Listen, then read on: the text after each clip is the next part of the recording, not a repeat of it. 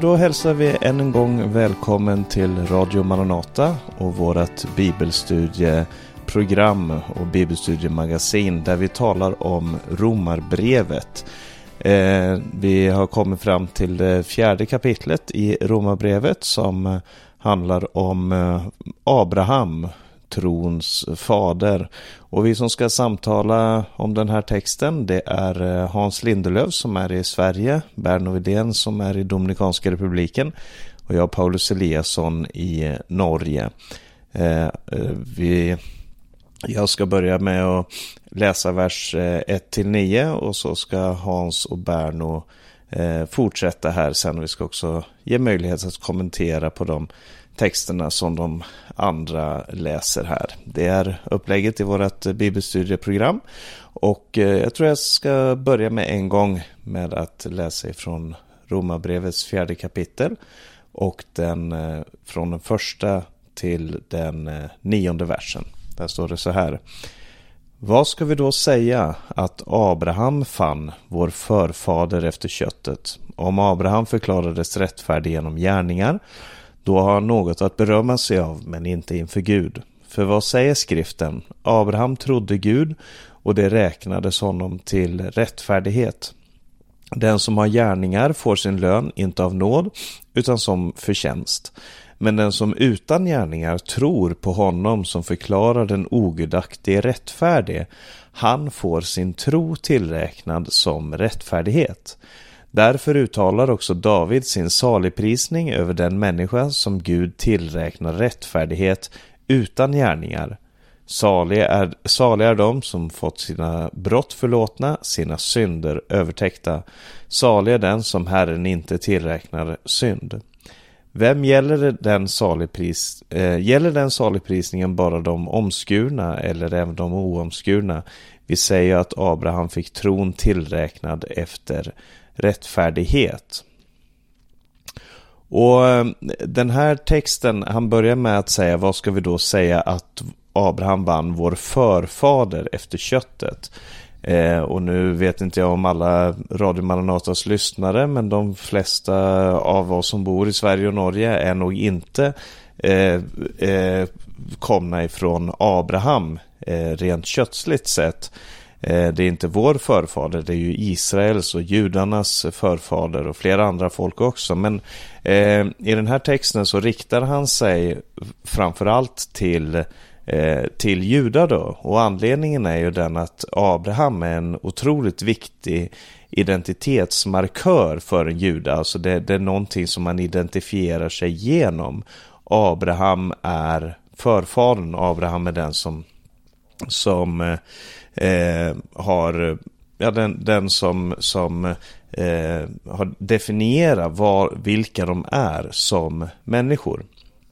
Och därför är det så speciellt att eh, han, han, eh, eller det, det är därför det är så viktigt för honom att ta upp just den här eh, berättelsen om Abraham för att förklara vad det är han menar med hur en människa blir rättfärdig. I kapitel 1 och 2 och egentligen i kapitel 3 också så har han förklarat att ingen människa finns som är rättfärdig i sig själv. Det finns ingen som har gjort någonting som skulle säga att de eh, är rättfärdiga. Men eh, så säger han att vi förklaras rättfärdiga genom tron på Jesus Kristus eller som jag sa förra gången genom Jesu Kristi trofasthet. Eh, och vi vet att sättet som Gud utvalde och arbetade med Abraham det är grunden för vad det betyder att vara Israel. Eh, och, och, det var Guds utväljande av dem som gjorde dem till en nation. Och det är därför han använde Abraham som ett exempel.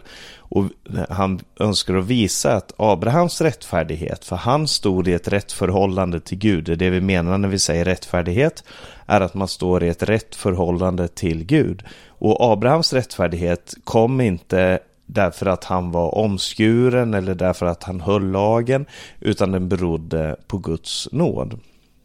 Och sen ska jag läsa här i vers 2 står det om Abraham förklarades rättfärdig genom gärningar. Då har han något att berömma sig av, men inte inför Gud. Eh, och i den fjärde versen så står det den som har gärningar får sin lön inte av nåd utan som förtjänst. Och eh, de två eh, sakerna här, alltså han skulle ha någonting att berömma sig av om han hade gärningar. Och han skulle också få, eh, han skulle få sin lön eh, om det var av gärningar. Alltså gärningar eh, leder till lön. Om man gör någonting så ska man ha lön för det man har gjort. Eh, och poängen i texten här är att ingen människa ska kunna berömma sig inför Gud. Det finns en, en eh, kalvinistisk predikant, jag tror att han heter Jonathan Edwards, eh, från eh, Amerika som sa att du bidrar inte med någonting till din frälsning förutom synden som gjorde den nödvändig. Och nu är inte jag kalvinist, men jag tycker att det ligger någonting stort i det här eh, att, att vi inte kommer med någonting till korset förutom med oss själva och vi kommer med den synd som vi, som vi bär på. Och eh, frälsningen som den presenteras i romarbrevet är verkligen en gåva till de människor som väljer att tro på Jesus. De, den ges fritt och förintet och en gåva ger man av nåd. Det är ingenting som man har förtjänat. Även om man kanske ibland tycker att ja, men jag borde få en gåva. Men, men det finns faktiskt ingenting i gåvan, i nåden, som, som eh, eh handlar om att man kan ställa några krav. Utan eh, eh, det, det han säger är att om han hade haft gärningar, då kunde han berömma sig. Men nu har han ingenting att berömma sig. Om han, eh, om han hade gärningar så skulle han få sin lön. Men nu får han inte en lön, utan han får nåd. Och den tredje versen som jag hoppar över där så står det För vad säger skriften? Abraham trodde Gud och det räknades honom till rättfärdighet. Och det här är en vers som citeras många gånger i Nya Testamentet. Den är från första Mosebok. När Gud kallade Abraham så står det att Abrahams respons var att han trodde Gud. Och vad var det Abraham gjorde då? Det var inte det att han trodde att Gud existerade. Väldigt ofta när man talar om att tro på Gud så talar man om det som om det handlar om Guds existens. Eh, men det är det inte för att naturligtvis om man hade om man möter Gud, om Gud talar till en så är det helt naturligt att man tror att Gud existerar. Och Jesus säger också till de som lyssnade på honom, ni tror inte på mig Därför, och så förklarar han varför. Men det handlar inte om att de inte trodde på hans existens. Utan att de inte litade på honom. Att de inte eh, gav sitt liv till honom. Att de inte lyssnade på honom och löd honom. Och det är det som, som tron handlar om. Han litade, Abraham litade på att det Gud sa var sant. Och sen så levde han som om det var sant. Han, han gick ut ifrån sin släkt, från sin familj, från sin fars hus eh, och till det land som Gud visade honom. Så det var inte för att han gjorde de här sakerna som Gud kallade honom rättfärdig, utan därför att han litade på Gud och därför att han litade på Gud, trodde på Gud, så gjorde han det det. För honom så var inte tron bara en teori eller någonting som man hade på insidan, utan var någonting som satte sin prägel på hela hans liv. Och så kom man till den här femte och sjätte versen som jag tycker är helt otroliga. Eh, men den som utan gärningar tror på honom som förklarar nogdaktig rättfärdig, han får sin tro tillräknad som rättfärdighet. Eh, därför uttalar också David sin saligprisning över den människa som Gud tillräknar rättfärdighet utan gärningar. Och, och smaka på det här uttrycket, honom som förklarar den ogudaktige rättfärdig eh, det, det är väl, ett väldigt revolutionerande uttalande. Alltså, det låter ju helt fel. Gud ska väl inte förklara den ogudaktige rättfärdig. Det är som om man skulle säga att eh, ja, den här domaren som släpper alla skyldiga fria eller den här, eh, den här mannen som, som säger att alla som har gjort fel har gjort rätt. Eh, det låter jättemärkligt när man läser det först, men man måste förstå det i, eh, i, så, som en del av hans resonemang. För att det han sa i kapitel 3 var det finns ingen rättfärdig. Det finns ingen som gör det rätta. Så om Gud ska förklara någon för rättfärdig så är det bara ogudaktiga han har att jobba med. Det finns ingen som, som är utan synd. Det finns ingen som förtjänar eh, att bli kallad rättfärdig. Eh, och, och, det är så många som har haft problem med det här att, att till exempel mormonismens grundare Joseph Smith i hans, eh, när han eh, menade att han då fick en uppenbarelse av, av bibeltexten så la han in en ändring i den här texten där han sa att Gud förklarar inte den ogudaktige rättfärdige. Han, han, han vände på hela betydelsen av texten genom ett ord för att det lät så fel för honom. Och, och det gör det helt säkert, det gör det för den religiösa människan. För att religion handlar så ofta om, om våra egna prestationer och hur vi ska kunna göra oss förtjänta eh, av Guds nåd, förtjänta av Guds gunst. Eh, men, men nåd är bara nåd om den inte är förtjänad, om den baserar sig på människans tro. Eh, och så, så det, det, det, det är en... Eh, eh, det, det, finns inga andra än ogudaktiga och vi får den här rättfärdigheten genom att överlämna oss till Jesus. Det är det som kallas för den stora transaktionen, brukar man ibland kalla det för. Det här att han bär vår synd. Synden som jag har, den bär han. Och hans rättfärdighet, den bär jag. Han, på korset så tar han på sig min synd. Och i frälsningen så blir jag iklädd hans rättfärdighet. Det är vad den kristna tron handlar om. Och så kommer de här fantastiska orden ifrån psalm eh, 32 där det står så här. Saliga är de som har fått sina brott förlåtna, sina synder övertäckta. Saliga är den som Herren inte tillräknar synd. Och lägg märke till det här uttrycket tillräknar. För att eh, det, det låter lite religiöst men det handlar ju om att räkna. Alltså det, det, det är ett eh, eh, begrepp ifrån ekonomin och matematiken på grekiska. När man summerar, när man lägger ihop, när man adderar saker och ting. Och, och det stora i den här texten är att Gud inte räknar. Salig, hur blir man salig? Salig är man när Herren inte räknar ens synd. Som naturligtvis inte ska användas som en intäkt för att synda mer, utan det ska användas som en, som, eh, en start på ett nytt liv och som en försäkran för en människa att jag är frälst. Jag har fått uppleva frälsningen i Gud. Jag har fått uppleva Guds nåd i mitt eget liv och det ska förvandla eh, den människa man är.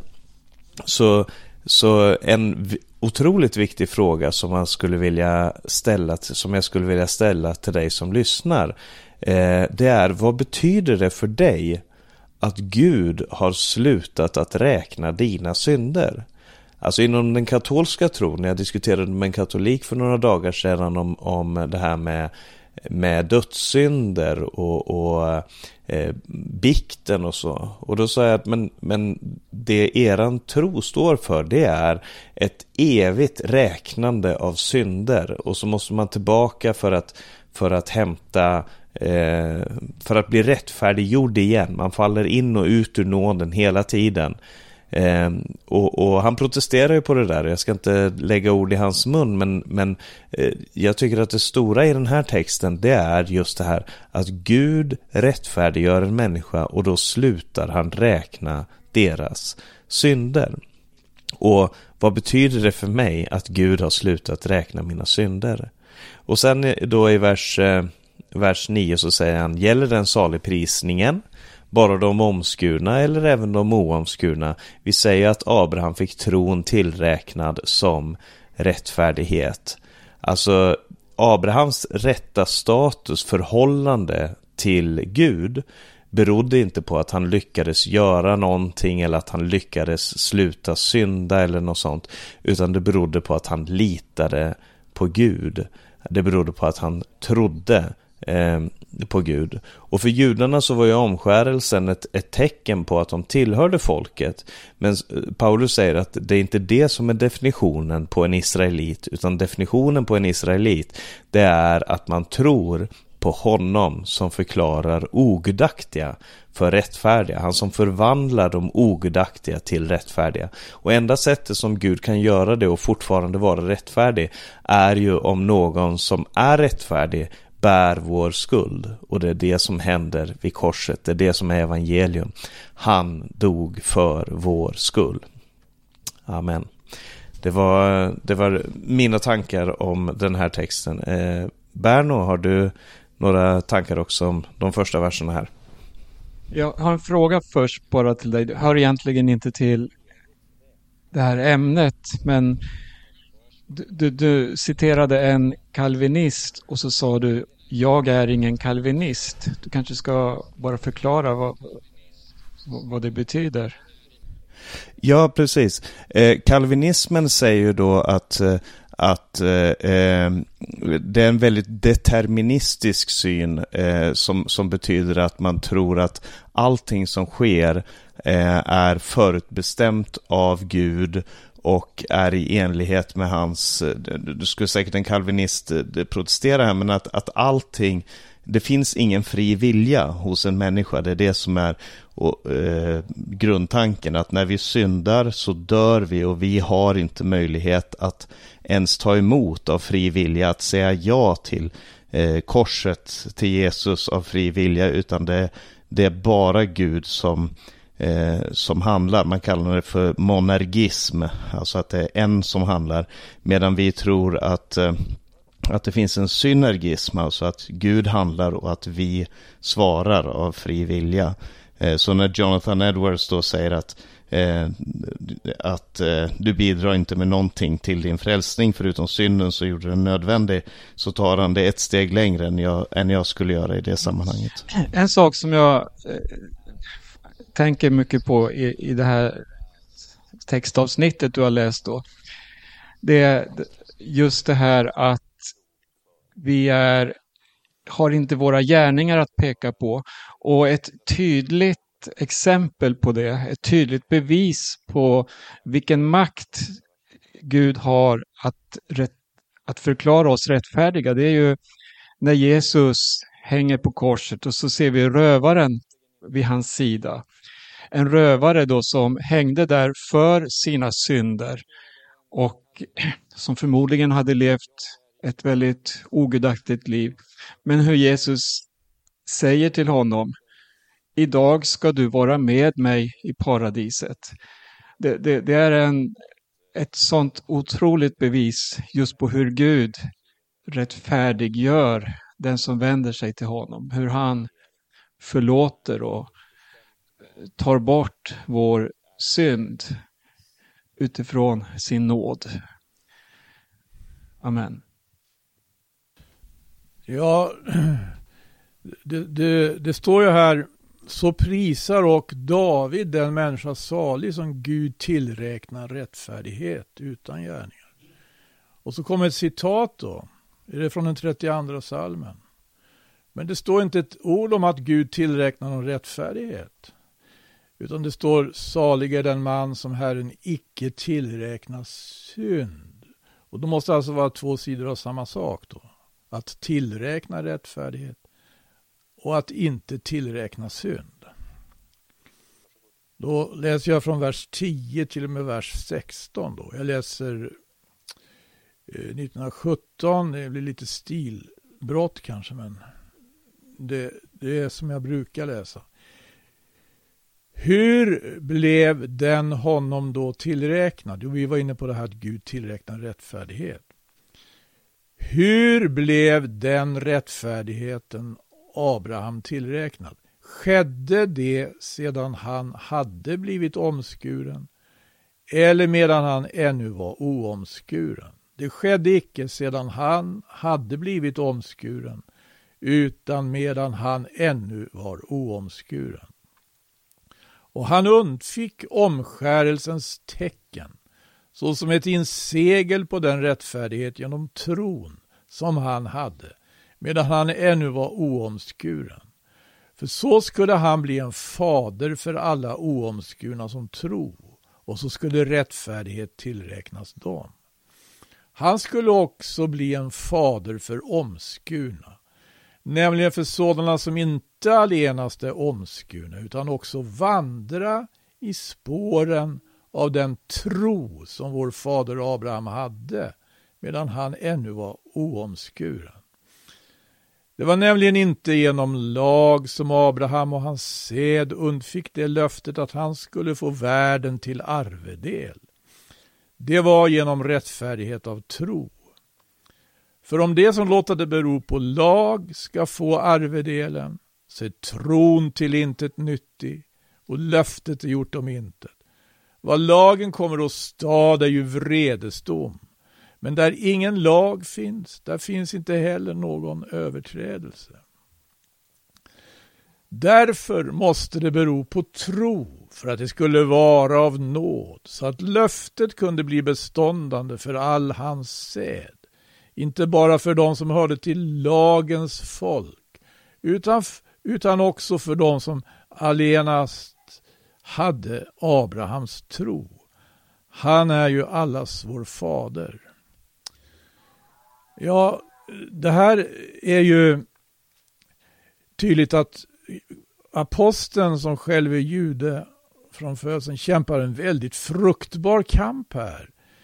Eh, med eh, två kapitel i första Mosebok, nämligen kapitel 15 som eh, Abraham, där Abraham får löften. och kapitel 17 där Gud ingår omskärelsens förbund med Abraham. Det är ju så att omskärelsen i aposteln Paulus undervisning så, så är ju omskärelsen eh, laggärningarnas laggärning på ett sätt. Det är det, det som liksom ha, har blivit en riktig vattendelare i, i han, när, han, när han är verksam och predikar evangelium för nationerna, för hedningarna. Ska vi titta lite grann på det här eh, i, vers för vers. Jag tror redan jag har börjat då fundera över tionde versen. Det är just eh, frågan här om eh, hur rättfärdigheten tillräknades Abraham. Om det skedde sedan han hade blivit omskuren som i kapitel 17 i första Mosebok eller medan han ännu var oomskuren som i kapitel 15 i första Mosebok. Ja, det skedde faktiskt i kapitel 15. Därför är det ju där vi har det här. Att eh, sjätte versen i 15 kapitlet. Abraham trodde på Herren och han, Gud, räknade honom det till rättfärdighet. Där har vi just det här som, som du säger citeras många gånger i Nya Testamentet. Jag vet inte hur många gånger, men egentligen finns det bara uttryckligen vid två tillfällen i Gamla Testamentet. Det är här i Första Moseboks 15 kapitel och även i, jag tror i profeten Habakuk, va? någonstans. Abraham blev alltså räknad för rättfärdig, inte i och med omskärelsens förbund att han omskar, sig och sin son Ismael som var 13 år och hela sitt husfolk. Utan därför att han trodde på Gud. I elfte versen, han undfick omskärelsens tecken såsom ett insegel på den rättfärdighet genom tron som han hade medan han ännu var oomskuren. Så skulle han bli en fader för alla oomskurna som tro och så skulle rättfärdighet tillräknas dem. Ja, därför att eh, det, det heter ju som så att eh, Abraham lät omskära sig, som sagt, och eh, he, hela sitt husfolk. Men det står inte någonting där om att det räknades honom till rättfärdighet. Det står faktiskt inte det i 17 kapitlet. Det står det i 15 kapitlet. Innan ännu omskärelsens förbund hade ingåtts. Han skulle också bli en fader för omskurna i tolfte versen. Nämligen för sådana som inte allenast är omskurna utan och vandra i spåren av den tro som vår fader Abraham hade medan han ännu var oomskuren. Här handlar det inte bara om kapitel 15 och kapitel 17 i första Mosebok som är enorma kapitel, utan det handlar ju om eh, Israels tolv stammar och förhållandet mellan Israels tolv stammar och församlingen. Det kommer fram ytterligare här i det här sammanhanget. Men vers 13 tycker jag är väldigt intressant. Det var nämligen, står det där, ursäkta, det var nämligen icke genom lag som Abraham och hans säd undfick det löftet att han skulle få världen till arvedel. Det var genom rättfärdighet av tro.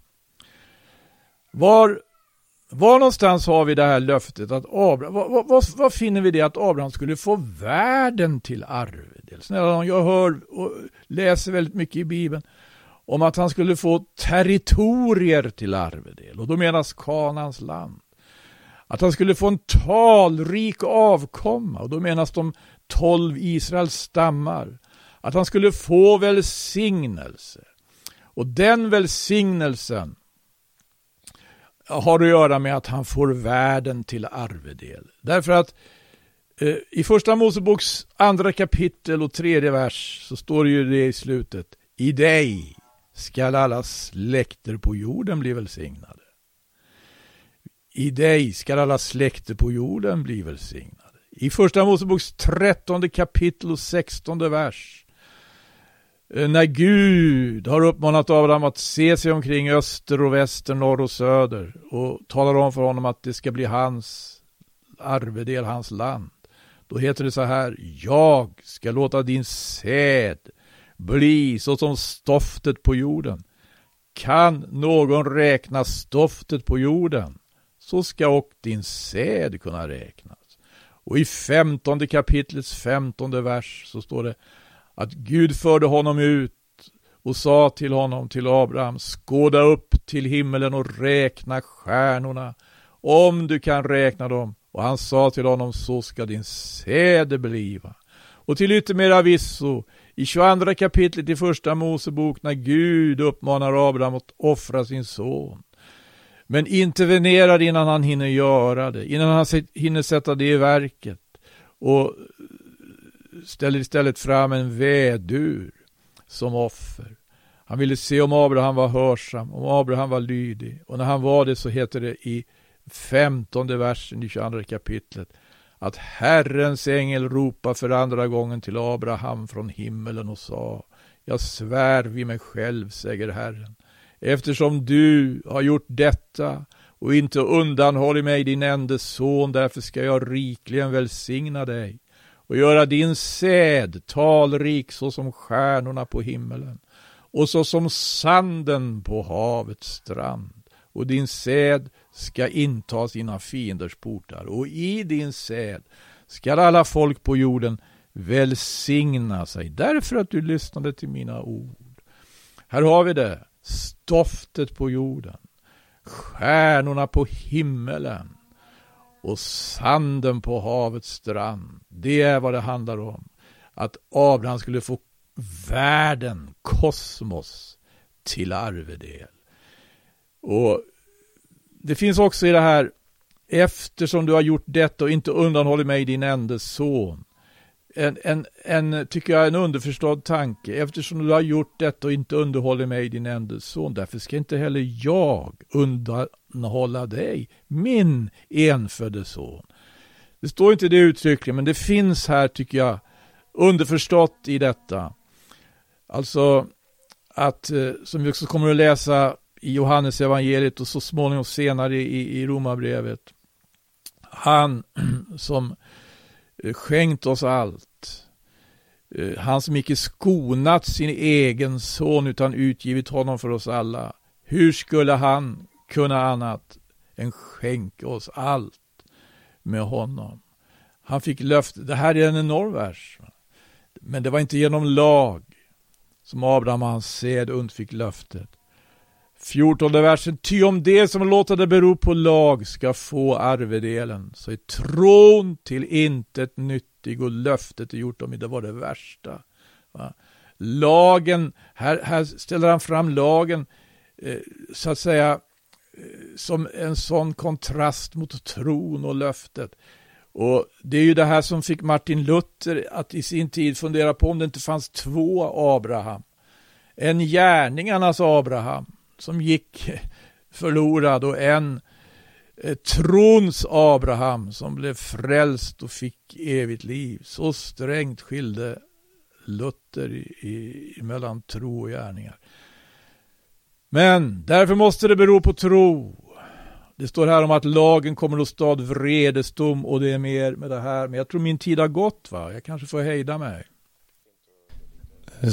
Ja, Eh, det, det går helt fint att gå lite över tiden här men, men eh, vi kanske ska komma vidare. Jag ska bara säga att jag, jag tycker den här texten, just när du talar om Abraham är ju en, en fantastisk text för just med tanke på det som du sa här sist att Luther talar om två olika Abraham. Man kanske i alla fall kan tala om två olika eh, upplevelser av Abraham för att han, han Eh, så ofta eh, lever han i tro till Gud och han tror Gud och det räknas honom till rättfärdighet. Men, men så ofta också som han, som han vandrar i olydnad mot Gud och, och inte vågar tro på Gud. Det, det, är ganska intressant när man ser hans, hans liv, hur det, hur det präglas av, av de här två olika dimensionerna. Jag tänkte bara jag skulle nämna här också den elfte versen där det står att eh, Abraham fick omskärelsens tecken som bekräftelse på trons rättfärdighet. Alltså det var ett tecken på någonting annat. Det var inte det stora i sig själv. Utan det var en bekräftelse på den rättfärdighet som han redan hade vunnit genom att tro på Gud. Och på det sättet så tillräknas rättfärdighet.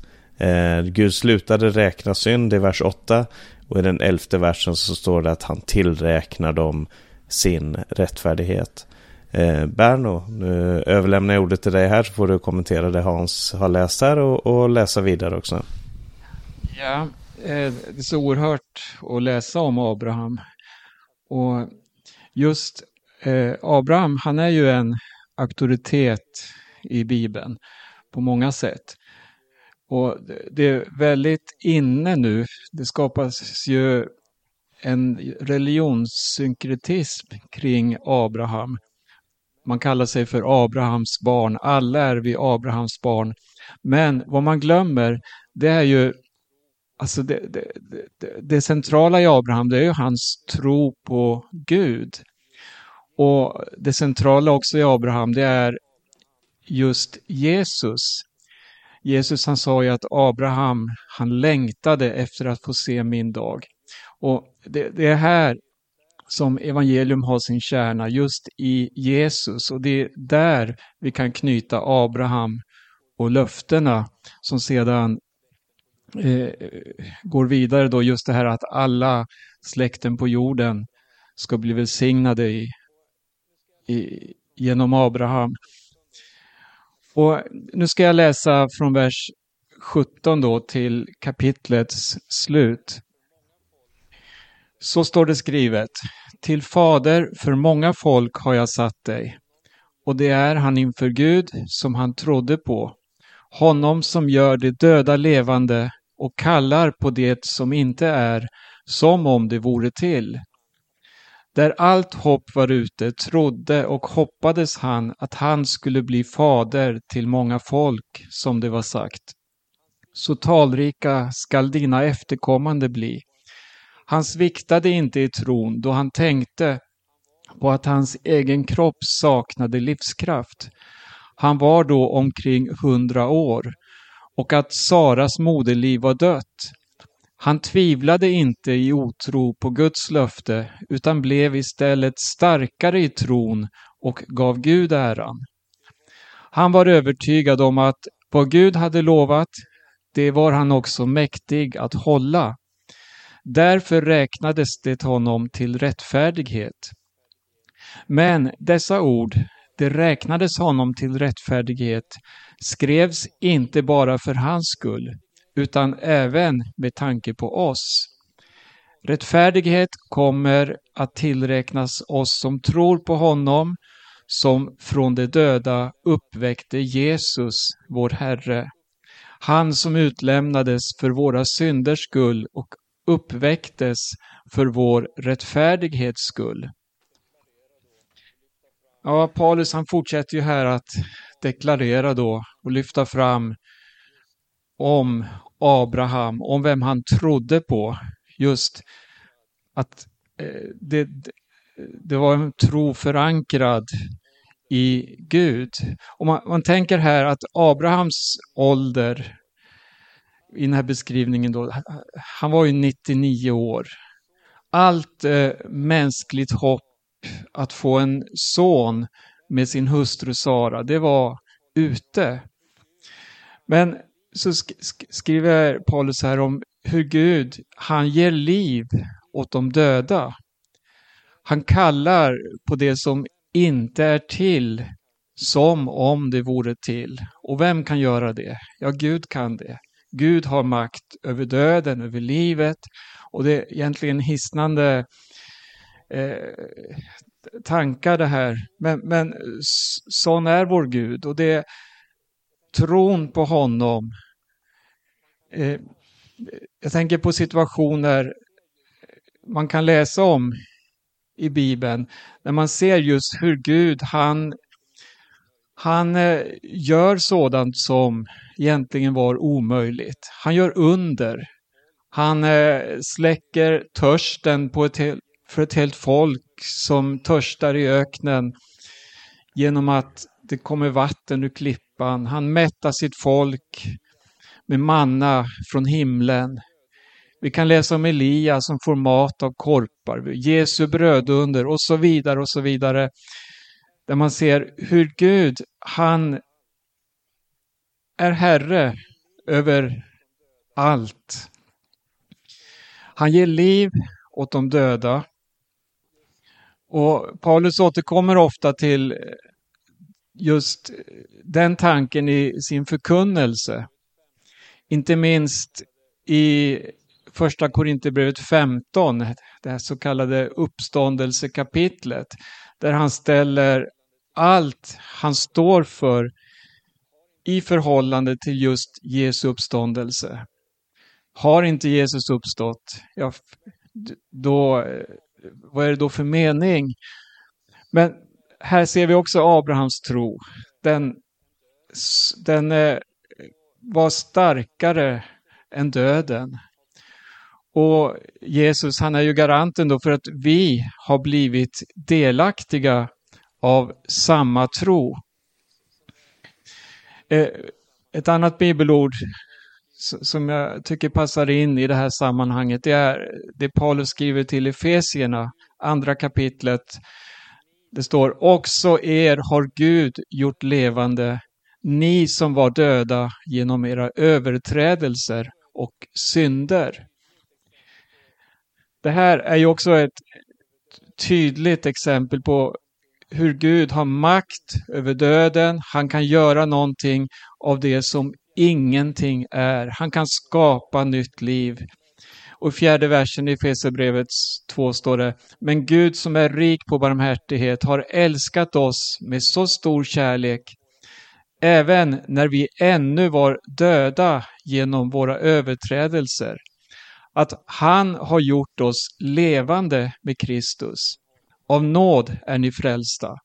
Han har uppväckt oss med honom och satt oss med honom i den himmelska världen i Kristus Jesus för att i kommande tider visa sin överväldigande rika nåd genom godhet mot oss i Kristus Jesus. Och jag vill ta med en till vers här som Paulus skriver till Kolosserna 2.13. Ni var döda genom era överträdelser och er oomskurna natur. Men också er har han gjort levande med Kristus. Han har förlåtit oss alla överträdelser och utplånat skuldebrevet som vittnade mot oss med sina krav det tog han bort genom att spika fast det på korset.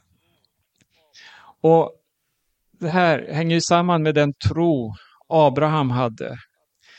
Han trodde, det står i vers 18 så här, att hoppet var ute Men ändå hoppades han. Alltså, här ser vi hopp ställs mot hopp.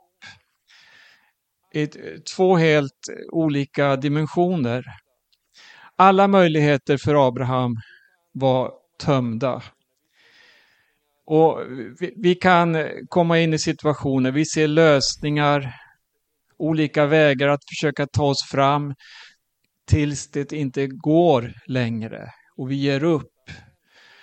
Och tänk då att mitt i allt detta ändå ha ett hopp. Och det är det vi har genom tron på Gud. Abraham, han hade en gång fått en kallelse av Gud med ett löfte om att bli en fader för många folk. Han trodde Gud och det här bar igenom även när allt hopp var ute. Så såg han längre. Hebreerbrevet skriver om hur Abraham, han såg framåt. Han såg med en himmelsk syn, med en himmelsk vision på det ja, som var bestående, det som aldrig skulle vackla. Så Gud skulle uppfylla sitt löfte. Han trodde Gud. Vers 19. Han eh, vacklade inte i tron när han tänkte på sin döda kropp.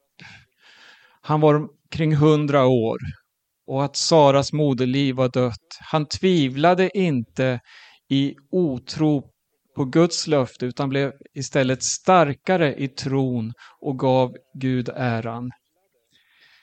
Eh, det här verbet här, tvivlade, eh, diakrino, någonting på grekiska.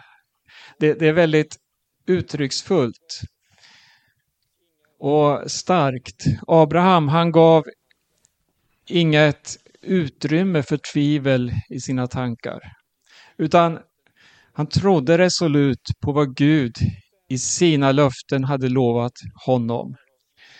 Jag läste en, eh, en bibelkommentar av Matthew Henry. Han levde ju på 1600-talet. Han skrev så här att grunden till all olydnad till Gud finns i tvivlet.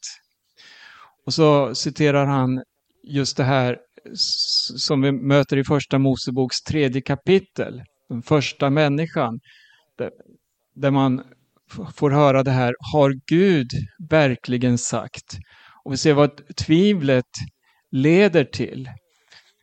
Men tron på Gud, den här övertygelsen om att Gud, som det står i vers 21, han hade lovat och han var också mäktig att hålla. Och därför räknades detta honom till rättfärdighet. Löftet sviker aldrig, men däremot vår tro kan svika. Men just det här, han är trofast. Jag vill citera här också Hebreerbrevet 11, åttonde versen. Det står i tron lydde Abraham när han blev kallad att dra ut till ett land som han skulle få i arv. Och han gav sig iväg utan att veta vart han skulle komma. I tron levde han i löfteslandet som i ett främmande land.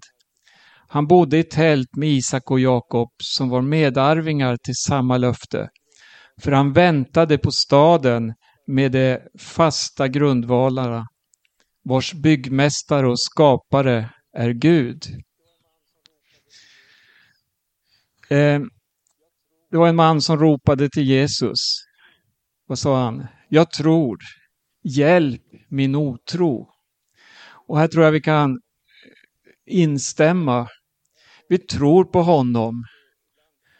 Men ändå eh, fylls vi ibland av otro. Men just att kunna ha rätt fokus i allting tron på Herren Jesus Kristus. Vers 23 så, så vidgas eh, undervisningen och omfattar inte bara Abraham, utan det står även för vår skull. Och så det här att rättfärdighet kommer att tillräknas. Det här som vi läst tidigare i kapitlet också. Rättfärdighet kommer att tillräknas oss som tror på honom, som uppväckte vår Herre Jesus från de döda. Han som utlämnades för våra synders skull och uppväcktes för vår rättfärdiggörelses skull. Här inkluderas alla som tror att få sig tillräknad rättfärdighet. Ja, Golgata källa är ju det som gör det här möjligt. Den är outtömlig. Och vad är villkoret då för oss? Vi tänker på Abraham här och hans tro. Jo, det är samma sak, det är att tro. Vi har samma objekt för vår tro som Abraham. Vi har läst om döden här och det står om Jesus att döden kunde inte behålla honom.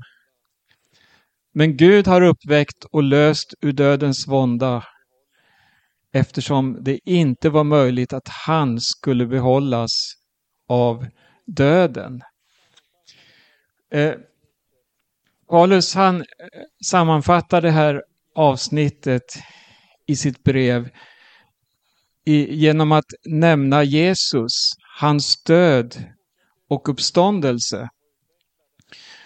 Och sen fortsätter Romarbrevet längre fram och utvecklar det här, men det får vi hålla tillbaka. Det kommer ju senare.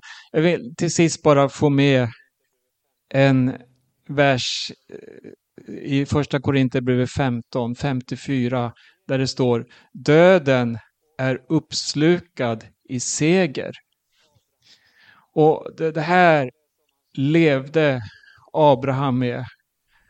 Man kan läsa om hans tro, hur han inte hade något hopp. Men han visste ändå att döden är inte slutet. Det finns en seger som bär. Jesaja skriver så här i 25 kapitlet. Han ska utplåna döden för evigt. Jag kan inte låta bli att tänka lite tillbaka också på det vi har läst tidigare. Och är det inte så?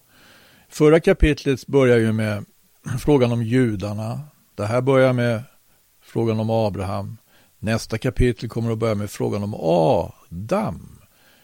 Det är som att aposteln liksom eh, gör, gör, en tidsresa tillbaks i tiden, svingar sig genom århundraden. För att riktigt liksom hjälpa oss att förstå hur oerhört det här är som har skett i Kristus och hur Gud har förberett det. Judarna ja, och Guds utsagor, Abraham och tron. Nästa gång kommer vi till Adam, det kanske eh, får vi vänta med då. Men eh, eh jag tyckte det var väldigt fint här, som Berno sa, särskilt det här citat från Hebreerbrevet talar så starkt till mig om. Just eh, han bodde i tält med Isak och Jakob. Det är så levande. Ja, tack ska du ha. Vi ska strax avsluta här. Vi har läst då ifrån Romarbrevet kapitel 4 idag. Eh, Berno läste här till sist om, om att Abraham han var fullt övertygad om att vad Gud hade lovat var han också mäktig att hålla. Och det är verkligen ett, ett signum för Guds folk genom alla tider. Att man har den här tron till Gud. Eh, Gud har, har gett oss sina löften och de löftena de sätter vi vår tro till. Han som uppväckte vår Herre Jesus från de döda, han är också värd att litas på. Jag hoppas att det ska vara det du tar med dig härifrån det här eh, bibelstudietimmen som vi har haft tillsammans. Att eh, vår Herre Jesus Kristus, vår Fader i himlen, den helige Ande är värd att lita på. Och Som sagt nästa gång så ska vi läsa Romarbrevet kapitel 5 som handlar om hur man får frid med Gud och som Hans mycket riktigt påpekade här handlar om förhållandet mellan Adam, den första människan och Kristus. Och därför så eh, ser vi fram emot eh, att få ha ännu ett program om Herren dröjer och vi får leva. Eh, vi får tacka Berno Widén som har varit med oss från Dominikanska republiken. Hans Lindelöf har varit i Sverige och jag Paulus Eliasson som befinner mig i Norge. Och vi fortsätter nästa gång och dela gärna de här rörprogrammen också med andra om du finner undervisningen eh, nyttig och uppbygglig. Gud välsigne var och en.